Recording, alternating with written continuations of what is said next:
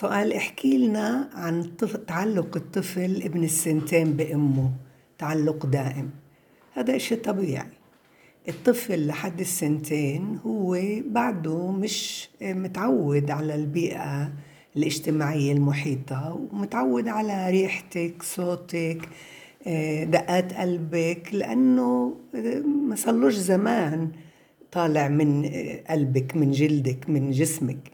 فهذا إشي طبيعي. إسا حتى إنه ندرب الطفل ابن السنتين إنه يبتدي يعتاد على أفراء الأم أول إشي بنقول إنه منيح كتير بس بعد السنتين وبالسنتين إنه يكون في حضانة. ليه؟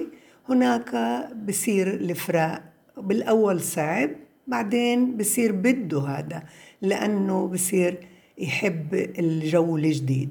هاي نقطة. النقطة الثانية حتى إنك تعوديه على إنه يقدر كم دقيقة يكون بعيد عنك بدك توفري له بيئة مثيرة لجسمه يعني يعمل هيك أنشطة بحبها لأنه هو كتير نشيط بهاي المرحلة وبحب يتعرف ويبحث والاستطلاع بيئة مثيرة لعقله إنه يكون بده يكتشف بده يعرف بده بعض ألعاب اللي فيها ألوان فيها أشكال فيها مجسمات ببني برج بركب بازل وبيئة مثيرة لعاطفته بسمع غناني عنده كتير مواهب مثلا حيوان أليف جنيني آه، آه، عزف يغني.